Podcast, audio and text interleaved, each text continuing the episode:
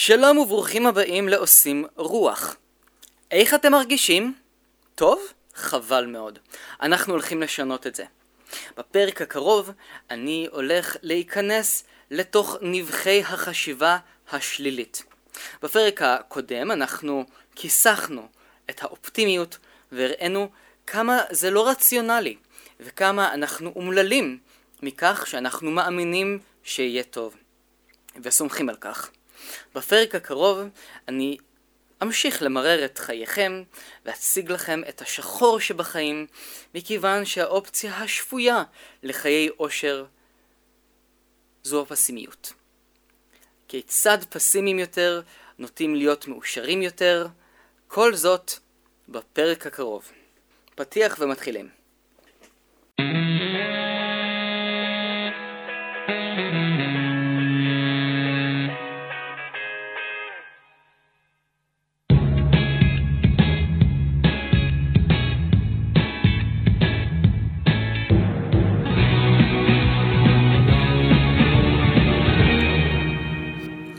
הבעיה עם החברה במאה ה-21? שאנחנו החברה הראשונה שבה אנחנו לא מעריצים שום דבר מלבד עצמנו, כלומר בני אדם. לא אלים, לא רוחות, לא כוחות על, לא עם האדמה. אנחנו מעריצים את קים קרדשיאן, את קים ג'ון גאיל, את בר רפאלי, את חווה אלברשטיין, את חנן אשראוי, כל אדם, כל אדם שמוגבל לעצם היותו אדם. אנחנו מאמינים שאפשר להגיע לשלמות בחיים שלנו, שהאוצר בקצה הקשת בענן יכול להיות שלנו, מכיוון שאנשים אחרים כבר נגעו בו, אנשים שאנחנו התוודענו לתהליך הנסיקה שלהם. אנחנו מאמינים שכל זה אפשרי, ומכאן הכל מתדרדר. בואו נשאל את עצמנו את השאלה הבאה: למה אנשים מתאבדים יותר במדינות מפותחות יותר? למה אדם שבע מפינלנד התאבד הרבה לפני שקבצן מקלקוטה ישלח יד בנפשו? כשאנשים לוקחים כישלון בעולם המערבי, הנאור והמתקדם לכאורה, הכישלון הזה נחווה ככישלון של אותו אדם בתור אדם. כאשר שחקן לא מצליח כשחקן, הוא לא נכשל כאדם שהוא גם שחקן, אלא שחקן שהוא גם בן אדם. זה הופך להיות חלק מהאישיות שלנו. הניסיון להיות משהו, הניסיון להכניס זהות נוספת לתוך הזהות הבסיסית שלנו, וזה דבר שאפשר לראות אותו הרבה מאוד במסיבות קוקטייל או סמולטוקים של מה המצב, מה קורה, במה אתה עוסק. אנשים מציגים את עצמם בתור אני בנקאי, אני איש השקעות, אני שחקן, אני מדריך טיולים, כלומר, יש פה זהות שמעפילה על פני הזהות שלנו. אנשים רואים בעבודה שלהם מקור לסיפוק עצמי, לאושר. בהיסטוריה עבודה הייתה עבדות. בעבר אנשים ראו בפרישה מעולם העבודה ולא לעשות כלום בתור התכלית הגדולה ביותר של הקיום האנושי. זו הגשמה. היום אנשים רוצים להגשים את עצמם דרך עבודה. הדבר הכי גרוע שיכול לקרות לאדם זה אם הוא מתבטל ולא עושה כלום. לפי מחקרים סטטיסטיים, פחות מחצי אחוז למעשה מהאנשים בעולם עוסקים בעבודת החלומות שלהם בדיוק כפי שדמיינו אותה בתחילת הדרך. במקרים רבים אחרים, אנשים רצו להיות רופאים וגילו שהשעות ארוכות מדי ושלחטט לאנשים בפצעים זה מגעיל מדי. אנשים חלמו להיות אנשי חינוך ולהפוך למורים, ואחרי שהם גילו שילדים זה בסך הכל חבורה של פרחחים קטנים עם נזלת וחוסר רצון להקשיב, הבינו שאולי בכל זאת הם טעו בדרך כי הם דמיינו משהו אחד וקיבלו משהו אחר. בנושא הזה אני ארצה להפנות את המאזינים לספר של דניאל גילברט בשם להיתקל באושר. ספר שלם שעוסק בעניין של אנחנו מדמיינים שרק אם נעבור לעיר אחרת נהיה מאושרים. רק אם נעבוד בתור מנהלים בהייטק לא יהיו לנו יותר דאגות. דניאל גילברט ממליץ בספר להניח כי מראש המציאות תמיד תהיה מציאות. אנחנו חייבים להכיר בעובדות על מנת לא להתאכזב. נישואים זה אומר בין השאר להסריח במיטה עם אותו אדם כל החיים. ילדים זה אומר רגליים בגודל של שרק ולילות בלי שינה. אפילו שחקנים יכולים לבצע את אותו תפקיד 500 פעמים עד שירצו לקלף לעצמם את האור מעצבים.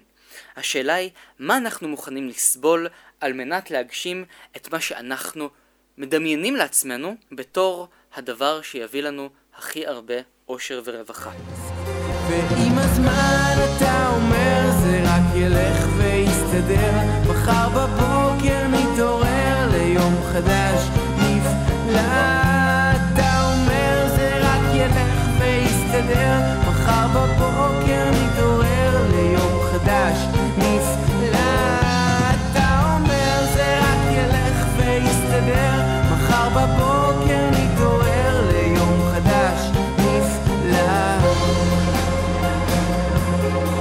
ועם הזמן אתה אומר זה רק ילך ויסתדר מחר בבוקר נתעורר ליום חדש נפלא. בחזרה לספר הנוגדן של אוליבר בורקמן. המחקר של בורקמן בעקבות uh, המקומות המאושרים בעולם ואיך בעיר כמו קיביריה בקניה ישנם אנשים יותר מאושרים מאשר אנשים בהלסינקי ואיך במקסיקו חוגגים את המוות. אז נכון, יש מי שיאמר שהמחקר הזה יכול להיות פשטני או מצועצע. אפשר לפתור את הטענות של בורקמן בטענות שאנשים עניים הם אנשים בעלי נשמות פשוטות יותר ופחות דיכאון פילוסופי ועל כן הם שמחים יותר. זו לא הנקודה של בורקמן שמוכיח את ההפך. חוסר ביטחון קיצוני מספק יתרון עצום. אי אפשר להיות מודאג לאבד את הביטחון שלנו אם אין מה להפסיד מלכתחילה. ודאגות לחוסר ביטחון מצטיירות כנראה בשורש של חרדה שקיימת בעיקר בחברות המערביות. כשאדם שעבד כל חייו בתור עורך דין ומפוטר מהפירמה שהוא עבד בה במשך 30 שנה, חלק מהאישיות שלו מתערער לחלוטין. על זה מדברים למעשה בבודהיזם, על המושג של אי התקשרות. יש הרבה אנשים שמתבלבלים כשהם חושבים על בודהיזם, והם אומרים לעצמם, hmm, בודהיסטים חושבים שכסף זה רע, וחופשות זה רע, ובגדים זה רע, ועל כן אני לא אכניס את, את עצמי לתוך תורה מוזרה כזו שאומרת שבשביל להיות מאושר אני לא צריך שום דבר. אין שום בעיה עם להיות בעל רכוש וכסף. השאלה היא, האם אנחנו מתקשרים אליו בצורה כזו שברגע שאין יותר כסף, ונעלמים הבגדים, והבית הגדול והיפה נשרף, האם אז חלק מהנשמה שלנו נשרפת יחד עם הבית?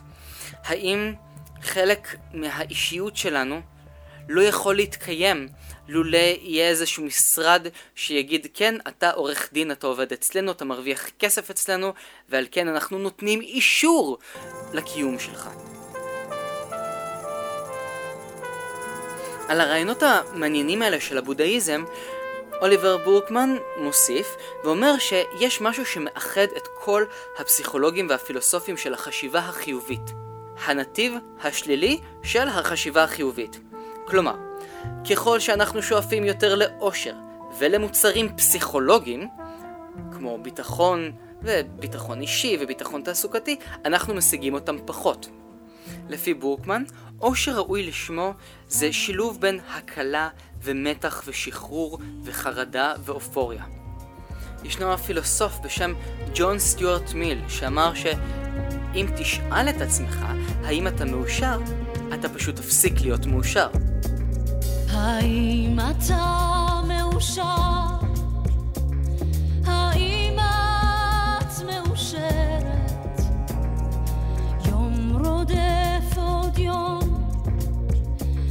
שנה חמישית עוברת, לפעמים קצת מאושר,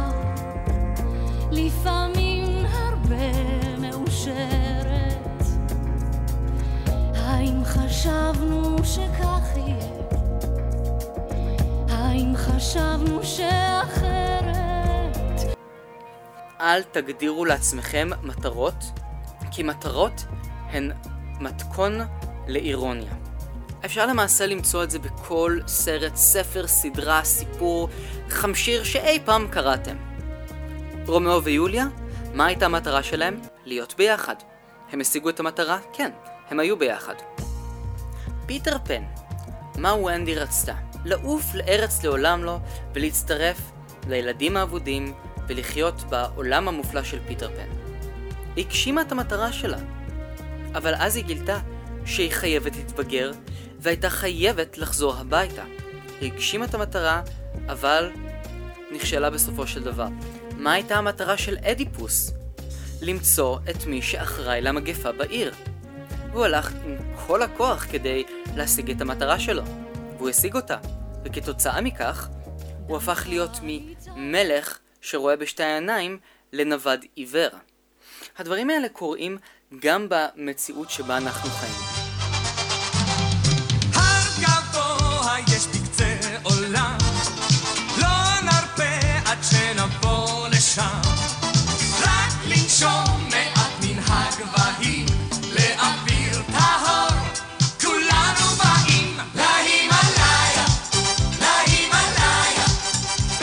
שהתרחש בשנת 1996 על פסגת הר האברסט. שמונה מטפסים וברוקר מהבורסה שיצא לחופשת הטיפוס הראשונה בחייו יוצאים לטפס על הר האברסט, מי חזר בחיים ומי מת רגע לפני שהוא הגיע לפסגה. הברוקר חזר בחיים. הסיפור התרחש בשנת 1996 כאשר שמונת המטפסים נהרגו וכריסטופר קייג' אותו ברוקר שבפעם הראשונה מנסה לצלוח את האברסט, דווקא הוא חזר בשלום. בתור ברוקר בבורסה, הוא היה מודע היטב להחלטות שגויות שעושים משקיעים בבורסה, והבין שנוצר כאן מצב לפיו כולם יודעים שיש סכנה, אבל לאף אחד לא היה את האומץ להגיד מאוחר מדי, מסוכן מדי, אני פורש. המצב על הפסגה המושלגת לא היה שונה מהמצב במשרד הממוזג, רק שהפעם אלו שהיו מרחק מטרים ספורים מהשגת המטרה, מתו בדיוק כשהם הגיעו אליה.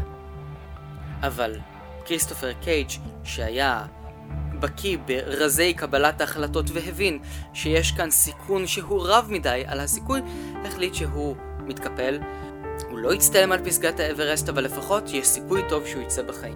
למעשה, אנחנו כל כך מרוכזים ביעד ומאמינים שההגעה אליו היא התכלית שההגשמה שלה תהיה כמו נגיעה בסם החיים. בתור בני אדם לא רציונליים אנחנו נוטים להאמין שבמקומות אחרים, בזמנים אחרים, יכולה להתקיים מציאות מושלמת, ללא פגמים, כמו בסרטים או באגדות, או בפריז.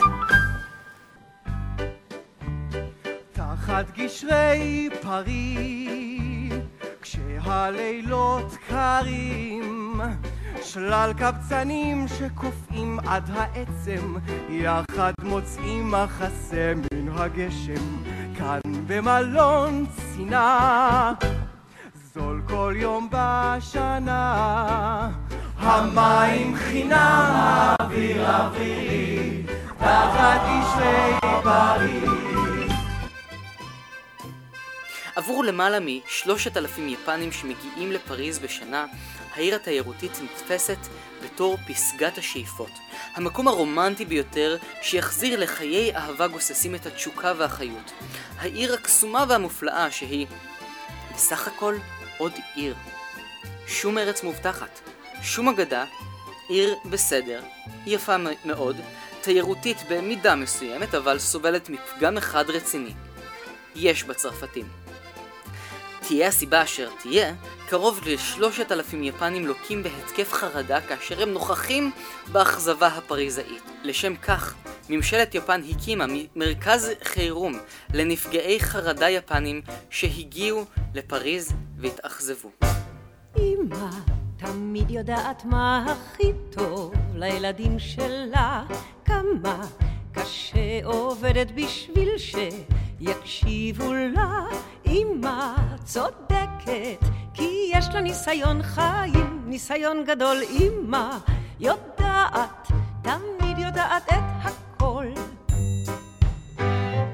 אמא תמיד היא מגנה הכי טוב על הילדים שלה, אסור שיגידו דבר נגדם, אפילו לא מילה, ואמא לומדת לספוג מהילדים גם עלבונות, היא כמו שק אגרוף, אבל היא יודעת לוותר להם אם לא דחוף. אמא לא תשכח כל הכאה, כל מחלה וכל בחילה, מתי הייתה לך פריחה מהאדמת? אמא לא נרדמת בלילות היא לא נושמת, אם לילד יש כינמת, תעשה לו סצנה, היא נלחמת על היגיינה שילמד ממנה, איזו אמא מהממת. בעיה אחרת שקשורה לחשיבה חיובית היא ההתעלות של אנשים בחשיבה החיובית בדרך להגשמה של המטרה. אנשים לפני רעיונות עבודה מצווים על ידי ספרי העזרה העצמית לדמיין את עצמם, מרגישים את האושר שבקבלת העבודה, להשיא מחשבות חיוביות על כך שהעבודה כבר בידינו. השגנו את המטרה, הכל טוב, ולמעשה, אם כאמור רק נרצה מספיק חזק, לא צריכה להיות שום בעיה. למרות שהאסטרטגיות האלה מאוד מפתות, מתברר כי לעיתים קרובות רבים מאיתנו מצליחים יותר כאשר מתמקדים בסיבות שעלולות להכשיל אותנו.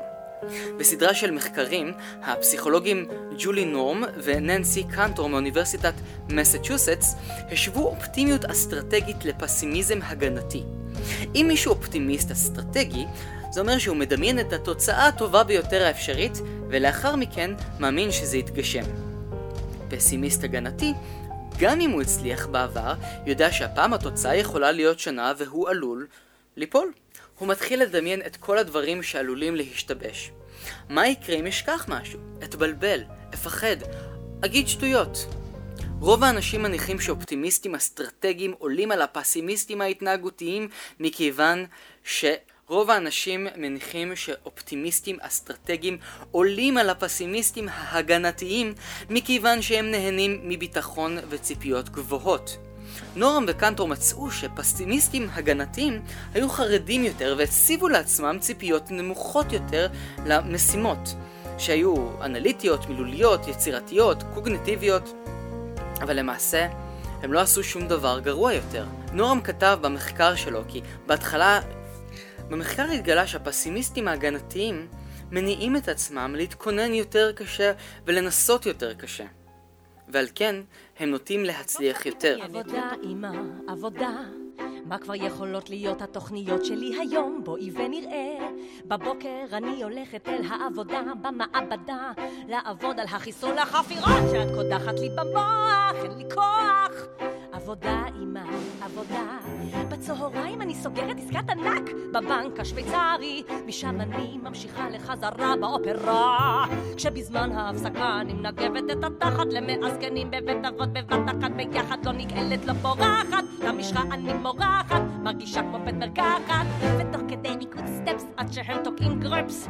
אני הולכת להרצות באוניברסיטה על בעיות מעיים בתקופת ימי הביניים. עבודה אמא, ואלו כל התוכניות שלי אפילו גם בעוד שנתיים. טוב לך אמא? את מאושרת אמא? עד השמיים. אם לא הבנת את זה אני אסביר לך פעמיים. טוב שיש עבודה לבחורה אבודה. הרי הכי חשוב זה מה יגידו ברחוב. המכה שוורצה מנצחת והבת הלא מוצלחת עבודה אמא עבודה. איזו עבודה? אני לא יכולה לדבר איתך אמא כי אני בעבודה.